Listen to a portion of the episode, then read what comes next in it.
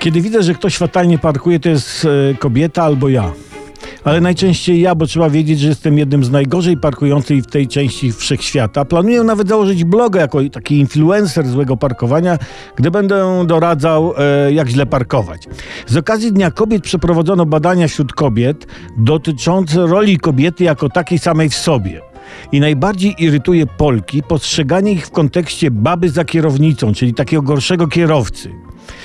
Bo nic dziwnego, bo kobieta denerwuje się, kiedy kieruje autem, a mężczyzna obok robi za jednym zamachem za GPS i zestaw głośno klnący. Tak, obajtkiem leci.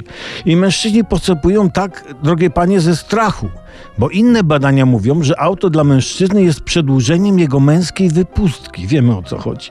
A wypustka jest najbardziej wychuchaną i czułą częścią mężczyzny. Jeśli ktoś inny jej używa, to mężczyzna się boi, że zostanie uszkodzona. I analogicznie wypustka jest dla mężczyzny odpowiednikiem auta.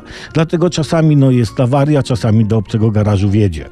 Dlatego z samochodem e, mężczyzny trzeba się obchodzić ostrożnie. Auto jest wasze wspólne, tak, ale mężczyzna traktuje go jako osobistą własność. Dlatego kobieta powinna pamiętać, że jadąc autem jedzie jednocześnie mężczyzną. I on wtedy tego nie kontroluje. Stąd takie agresywne, ale podszyte strachem instruowanie kobiety kierowcy. A kiedy kobieta jedzie sama wspólnym samochodem, a facet jest w domu, to facet czuje się jakby mu obcięto. To złe uczucie. Ale panie, pamiętajcie o jeszcze jednej rzeczy, że facet za kierownicą, o, to jest dopiero historia. Dość brutalna, dość brutalna. No, a w ogóle to wszystkiego z okazji Dnia Kobiet.